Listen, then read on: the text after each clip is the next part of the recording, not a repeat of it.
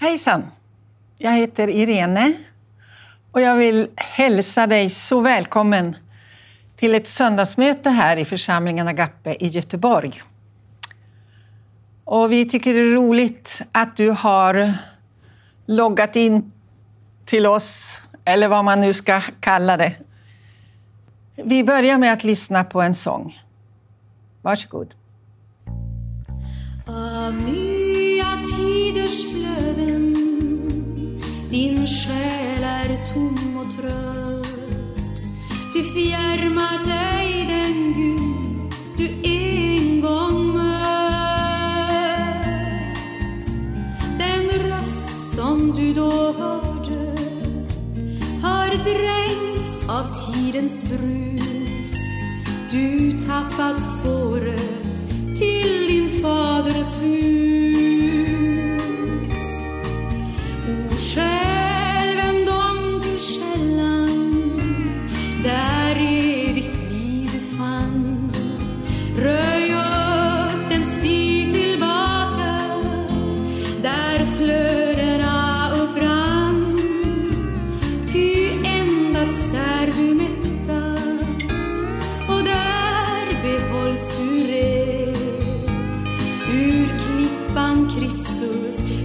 Bryter fram en flod för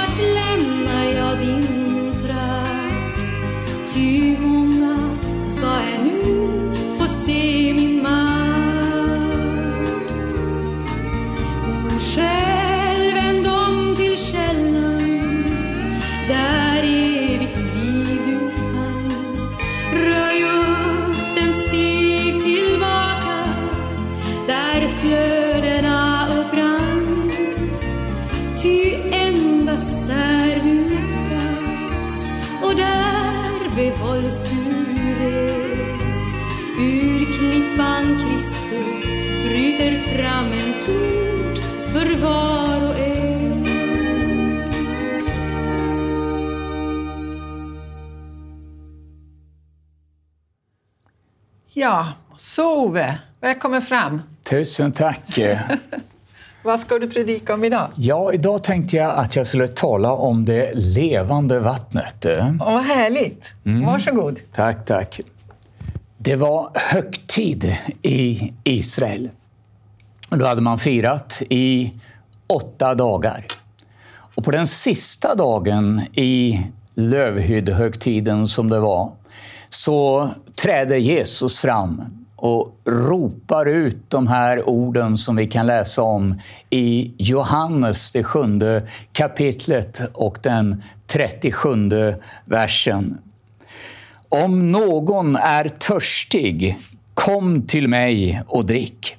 Den som tror på mig, som skriften säger, ur hans innersta ska strömmar av levande vatten flyta fram. Detta sa han om anden som det som skulle få eh, som trodde på honom. Anden hade nämligen inte kommit än eftersom Jesus ännu inte hade blivit förhärligad. Bakgrunden till eh, att eh, Jesus eh, ställer sig fram just den här dagen, den sista och förnämsta dagen i högtiden, det var att varje dag vid tiden för morgonoffret så hade man haft en vattenceremoni. När man burit vatten i en kruka ifrån Siloamdammen och under procession med shofarhorn och eh, salmer så hade man eh, gått upp till tempelplatsen, in på förgården och fram till eh, altaret. Där vid altaret så hade man byggt upp en ramp och eh, två rör ledde ner till två skålar. I det ena röret där hällde man det här vattnet ifrån Siloamdammen. Och samtidigt i det andra röret så hällde man vin. Och genom att man hade gjort öppningarna lite olika stora så fick man både vinet och vattnet att eh, komma fram samtidigt i två stycken skålar. Utan att man egentligen förstod eller visste vad det här handlade om så talade detta profetiskt om eh, det Jesus bland annat säger till Nikodemus. Om en människa inte blir född av vatten och ande så kan hon inte se Guds rike. När Jesus talar här om att dricka utav detta levande vatten. Och om någon är törstig så är det inte helt lätt för oss i den här delen av världen att riktigt eh, förstå vad eh, verklig törst innebär. För eh, är vi törstiga Ja, då går vi till kranen och skruvar på och så flödar vattnet. Är vi hungriga, då går vi till kylskåpet, öppnar dörren och så äter vi oss mätta. Så var det inte i Israel på den här tiden. Utan eh, hungern och svälten lurade hela tiden bakom kröken. Och även Medelklassfamiljen kunde faktiskt bara unna sig kött en gång i veckan. Och så var det också med vattnet. Av och till så kunde det bli torkeperioder när varenda liten vattendroppe blev så oerhört mycket värd. Och var man ute på resa och överraskades av eh, ökenvinden ifrån Sahara, den så kallade Hamsin-vinden, ja, då kunde törsten bli oerhört påträngande. Det var som en hårtork som blåste rakt in i ansiktet. Och törsten, den, den kunde verkligen kännas som ett desperat behov. Så när Jesus ställer sig upp här och, och ropar om någon är törstig, då talade han till människor som verkligen visste vad törst var. Men eh, nu är det ju en sak att eh, vara fysiskt törstig och en annan sak att eh, uppleva den inre andliga törsten. Den törst som eh, bara kan släckas med det Gud har att ge.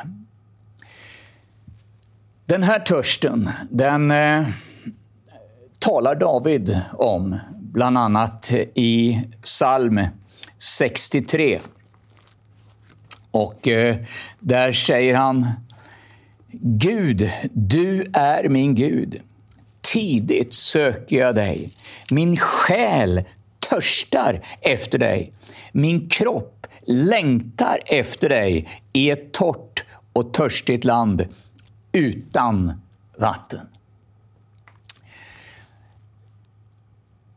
Tidigare så gick vi alla vilse i den här världens öken och sökte förgäves efter det här levande vattnet.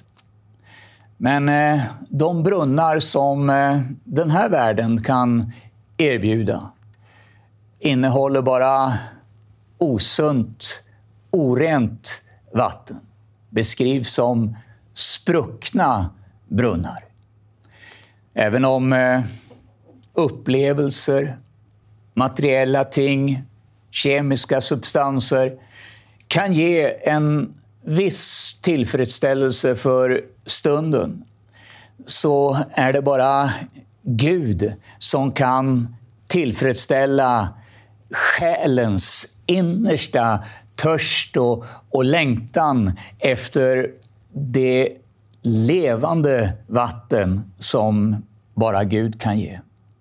Och därför ropar också David ut på ett annat ställe och, och säger som hjorten längtar efter vatten så längtar min själ efter dig.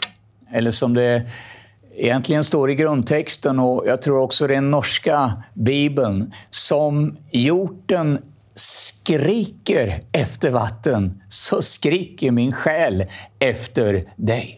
För David visste att det, det var bara Gud som kunde släcka den här inre andliga törsten. Och jag tror att eh, den här törsten den finns egentligen hos alla människor. Gud har skapat oss med ett behov utav honom. Och det här är någonting som eh, inte är helt lätt att eh, kanske förstå. Och därför så undrar man vad, vad ska jag leta någonstans? Hur ska jag uppleva mening med livet? Hur ska jag uppleva den här inre harmonin, och vilan och, och tillfredsställelsen i, i själen? De goda nyheterna det är att Gud är inte långt borta ifrån någon enda en utav oss.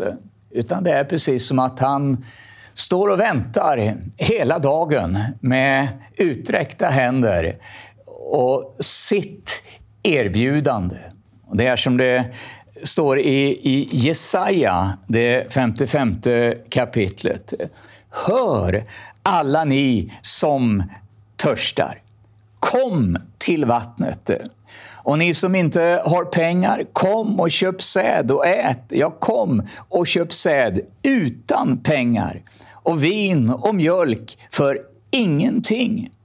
Varför ger ni ut pengar för det som inte är bröd, era inkomster, för det som inte mättar?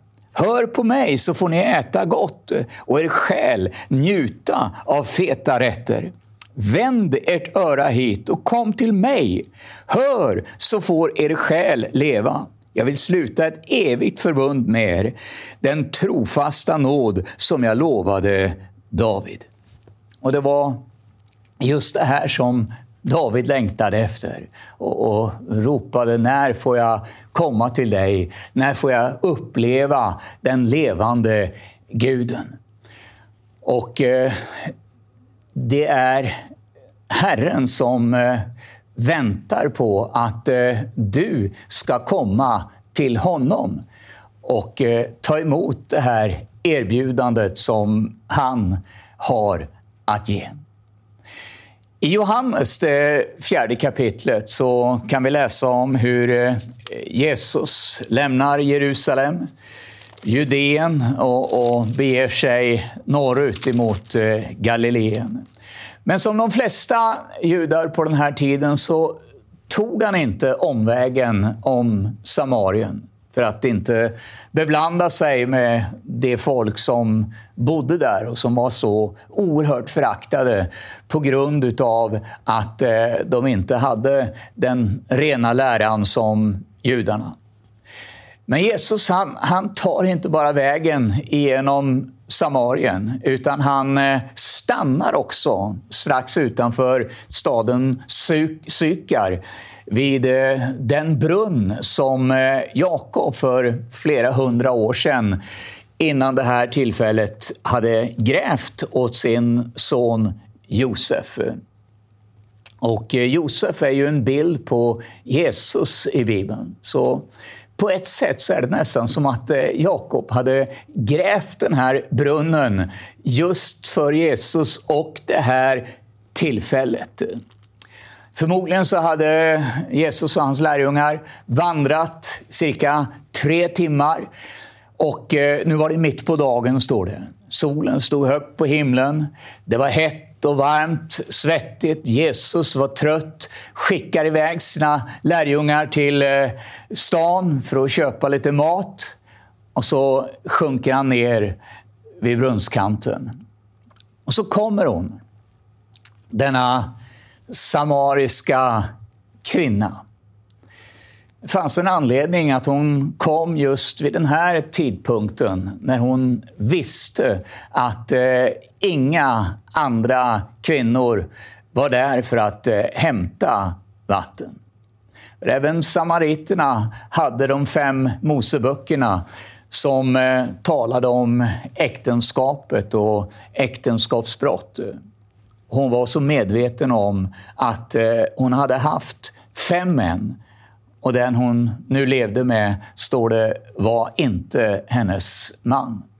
Kanske hon hade tänkt och hoppats att eh, vid varje byte utav partner skulle bli bättre. Men det hade inte blivit bättre. Och nu orkar hon inte ens gifta sig utan lever bara med någon som sambo. Men lägg märke till att eh, när Jesus börjar tala med henne och, och detta oerhört intressanta samtal utspinner sig som eh, var så oreligiöst. Då börjar inte Jesus med att eh, anklaga henne, fördöma henne, tala om vilken dålig människa hon är. Utan han börjar med att ställa en enkel fråga. Ge mig lite grann att dricka, säger han. Och med det så bryter Jesus hela det religiösa mönstret och den religiösa etiketten som sa att eh, en man talar för det första inte ensam med en kvinna på en offentlig plats. Och i synnerhet inte en judisk man talar med en samarisk kvinna.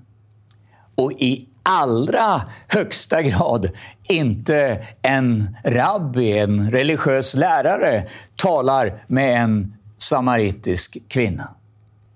Men det är som att eh, Jesus, han struntar fullständigt i vad som är gångbart eller inte.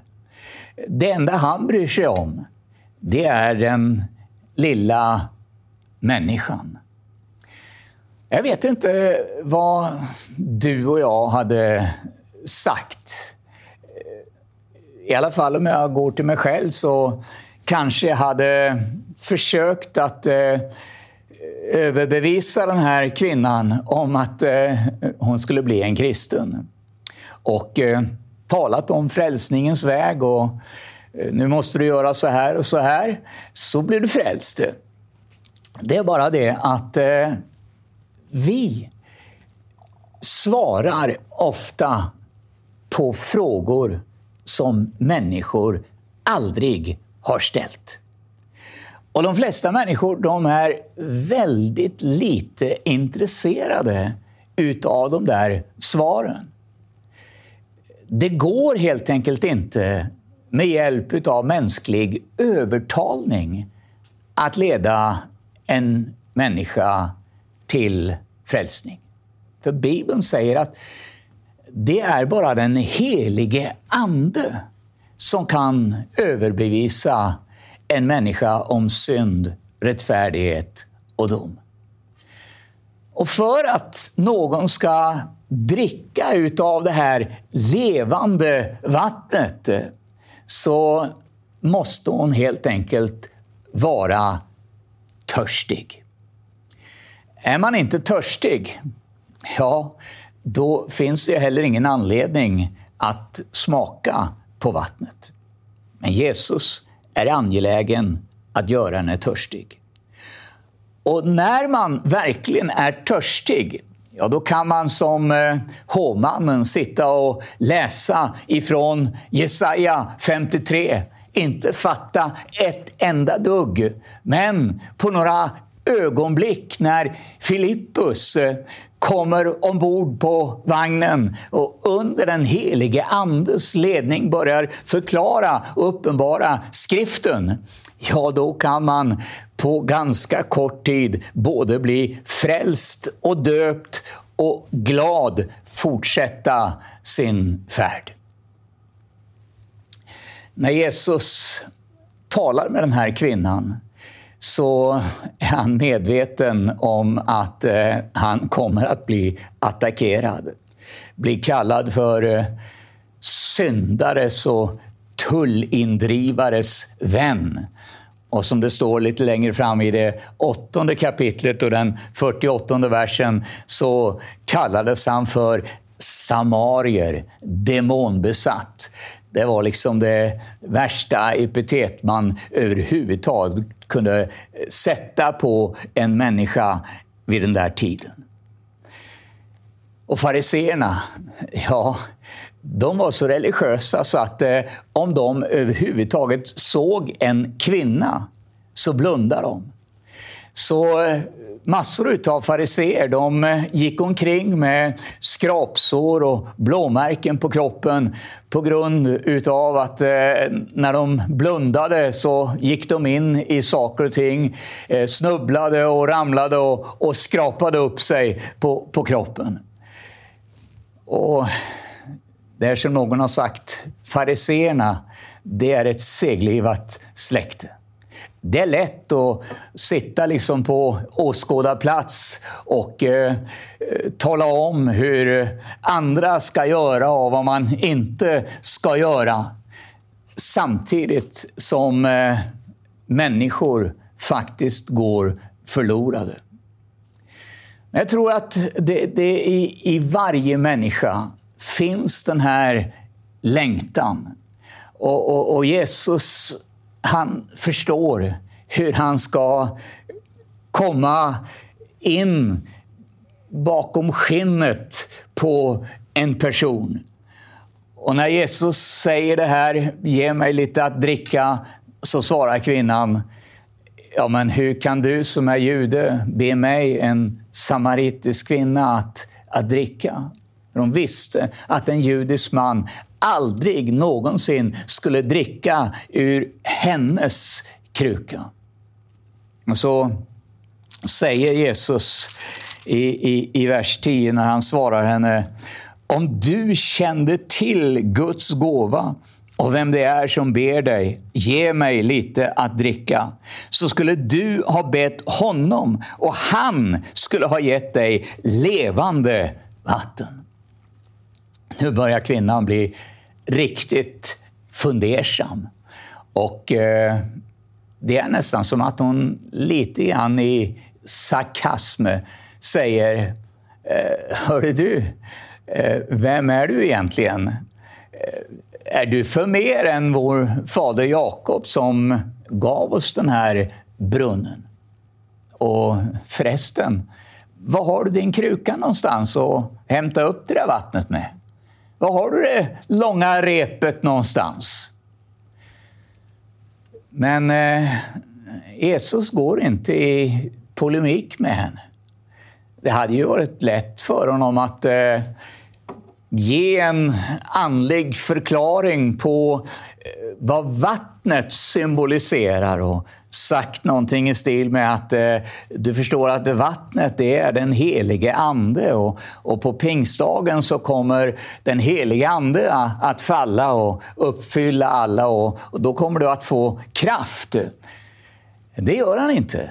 Och han eh, eh, försöker heller inte att eh, reda ut begreppen i den månghundraåriga eh, religiösa tvist som rådde mellan eh, samarierna och judarna som hade startat redan på Nehemjas tid med Samballat och de judar som kom tillbaka ifrån eh, den babyloniska fångenskapen och som integrerades med det folk som redan bodde där så att det skapades ett blandfolk. Försöker inte reda ut någonting utav det. Utan istället så säger han bara att den som dricker av det här vattnet, han blir törstig igen. Men den som dricker av det vatten jag ger honom, han ska aldrig någonsin törsta. Och nu börjar kvinnan verkligen att fundera och tänker, ja det låter ju inte så dumt. Eh, ge mig då av, av det vattnet så att jag slipper att gå hit till brunnen för att, för att hämta vatten varenda dag. Och då svarar Jesus, gå och hämta din man. Och nu förstår kvinnan att eh, det är en profet som talar till henne. Jesus beskriver hela händelseförloppet med de här fem männen. Och eh, kvinnan säger, vi vet att eh, Messias ska komma. Och när han kommer, då ska han säga oss allt. Så svarar Jesus, det är den som står framför dig. Tänk att Jesus, han hade stått där hela tiden utan att hon hade varit medveten om vem som stod framför henne. Och jag skulle säga att eh, Jesus, han står också just nu vid din sida.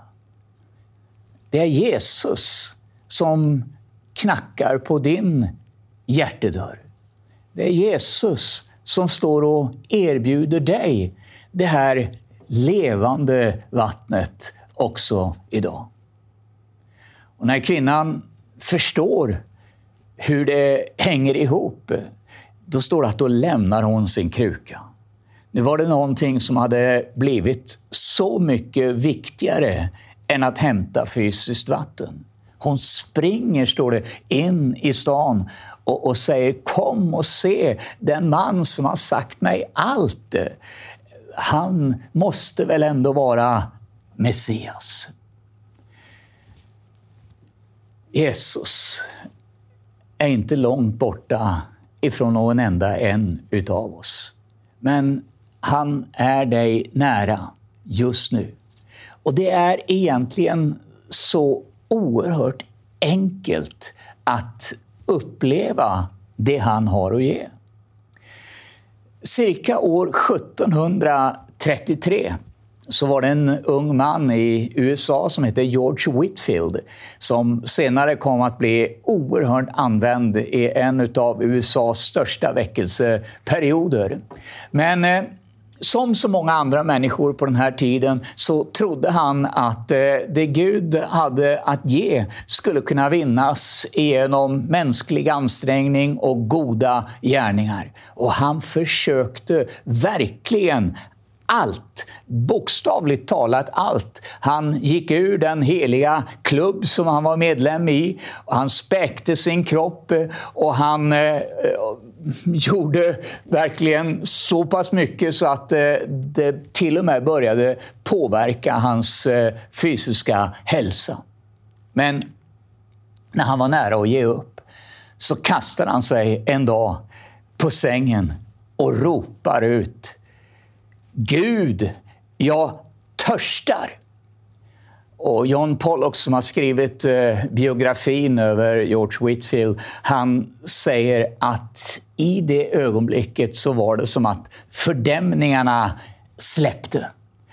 Och han eh, kastar sig i Guds armar och börjar helt enkelt att skratta utav förvåning att det var så enkelt att uppleva det Gud hade att ge. Och, och så är det. Det ska bli i honom, står det, en källa vars vatten springer upp med evigt liv. Och skillnaden på källan och brunnen Ja, det är att eh, brunnen, den eh, behöver inte ha något tillflöde. Utan där kan det bli ett stillastående vatten som med tiden blir både osunt och ohälsosamt.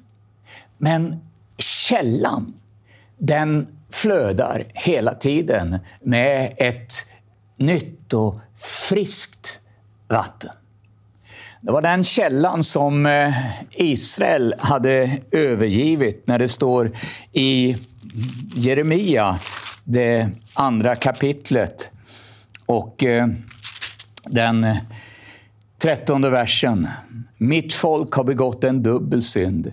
De har övergivit mig, källan med det levande vattnet och gjort sig usla brunnar som inte håller vatten.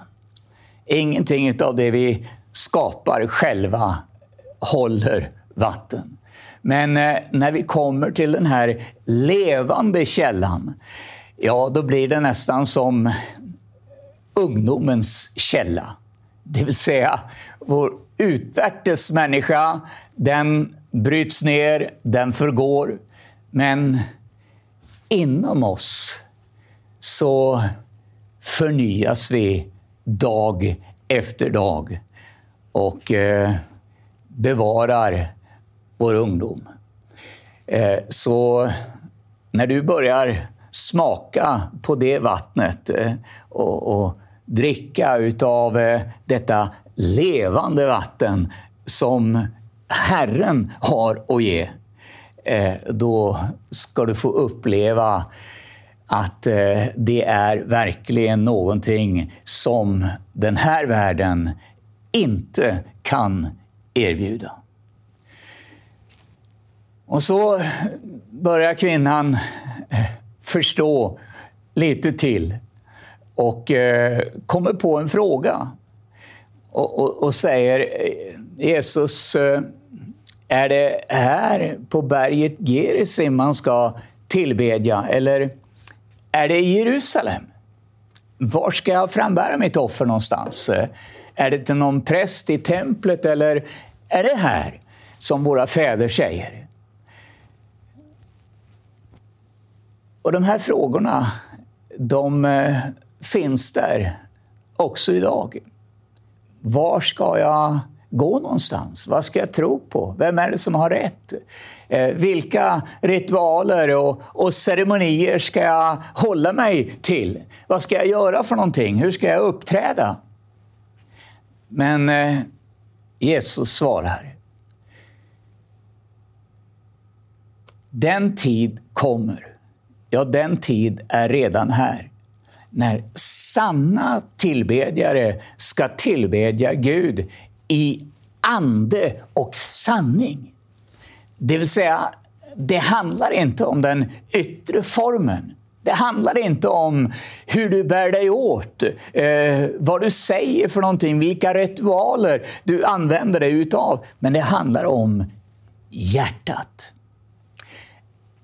Har du bara en ärlig längtan utifrån ditt hjärta att eh, uppleva Gud, ja, då spelar det ingen roll om du står eller sitter, böjer knä, ligger på golvet, hoppar, dansar. Du får göra precis som du vill.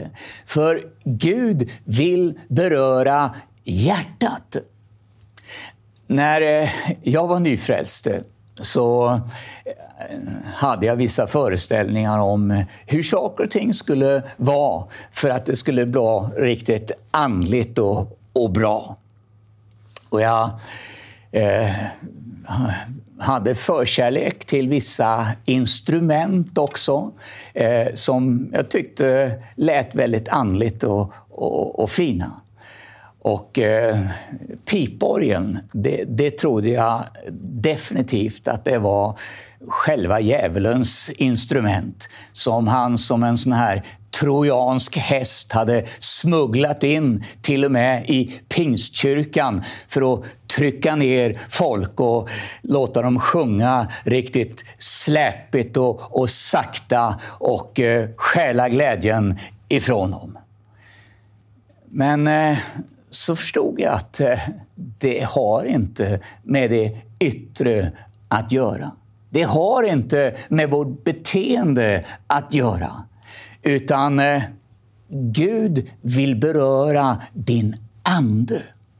Och när du blir fylld med Guds ande, ja, då prisar du Gud ifrån ditt hjärta upphöjer Jesus för den han är. Då kan du göra det i din ensamhet. Då kan du göra det i församlingen. Då kan du göra det eh, till musik. Eh, och Det spelar ingen roll vilken takt det är, eller vilken tonart det är, eller hur högt det låter, hur stilla det är.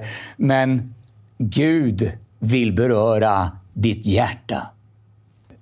Gud vill leda dig till brunnen, precis som han ledde Eliezer en gång till brunnen eh, där Rebecka befann sig för att eh, hämta vatten. Eliezer han eh, hade ju blivit utsänd för att hämta en brud åt Isak. Och på samma sätt så har den helige Ande blivit utsänd till ett främmande land för att eh, hämta en brud åt Jesus. Och det är ingen tillfällighet, tror jag, att eh, eh Eliezer möter Rebecka vid brunnen. Han, han säger så här eh, innan han, eh, innan han eh, möter henne. Jag står här vid vattenkällan. Om stadens döttrar kommer hit för att hämta vatten. Och det är i Första Mosebok 24 och 14. Om jag ber en flicka, räck mig din kruka så att jag får dricka. Hon svarar, drick, jag ger vatten åt dina kameler också. Låt henne då vara den du har bestämt åt din tjänare Isak. Och så hände just det att eh, Rebecka strax efter kommer och erbjuder honom vatten och även hans kameler. Ofta har vi tänkt så här att eh, eh, Möt mig Gud och ge mig det och det och fyll mig Herre. Och det vill han naturligtvis göra. Men eh, här ser vi att eh, det var Rebecka som gav Eliezer någonting. Och inte bara honom, utan eh, hon eh, gav också hans tio kameler utav vattnet. Eh, och jag läste här strax innan att en, en törstig kamel kan dricka mellan 100 och 150 liter vatten varje dag. och ja, det, det blir då om man eh, eh har 10 kameler mellan 1000 och 1500 liter. Och eh, har man en hink som rymmer 10 liter, då är det 10 hinkar minst för varje kamel. Så det, det krävdes lite eh, muskler eh, för att hämta upp allt det här vattnet. Men det Rebecka gör, det är att hon helt enkelt sätter muskler på sin tro. Hon står inte bara och väntar och, och, och säger gör någonting för mig. Men eh, hon engagerar sig. Hon visar att hon har tro på denne Eliezer som kom för att hämta en brud. Och Gud vill också att du och jag ska visa vårt förtroende till honom genom att komma till honom och erbjuda honom eh, det vi har att ge, nämligen vårt liv. Och när vi byter ut vårt liv emot hans liv, ja då får vi uppleva hur hans liv börjar att flöda ifrån vårt inre. Och så blir det i dig och mig den här fantastiska källan som springer fram med evigt liv. Gud välsigne dig att eh, öppna dig för det källsprånget eh, i Jesu namn. Amen. Jesus, jag tackar dig för att eh, vi får uppleva allt det här goda som du har att ge oss, Herre. Tack Jesus att vi får lämna den här världens spruckna brunnar och så får vi söka det som eh, är där ovan, det som du har att ge. Och tack att du då vill låta det här undret ske. Att eh, det, det bryter fram någonting ifrån vårt inre. Ditt eget liv genom den helige Ande. Tack Jesus för din välsignelse över var och en som har lyssnat idag, Herre. Jo, låt oss var och en eh, verkligen sträcka oss emot det du har att ge och uppleva denna verklighet genom den helige Ande. I Jesu namn. Amen. Idag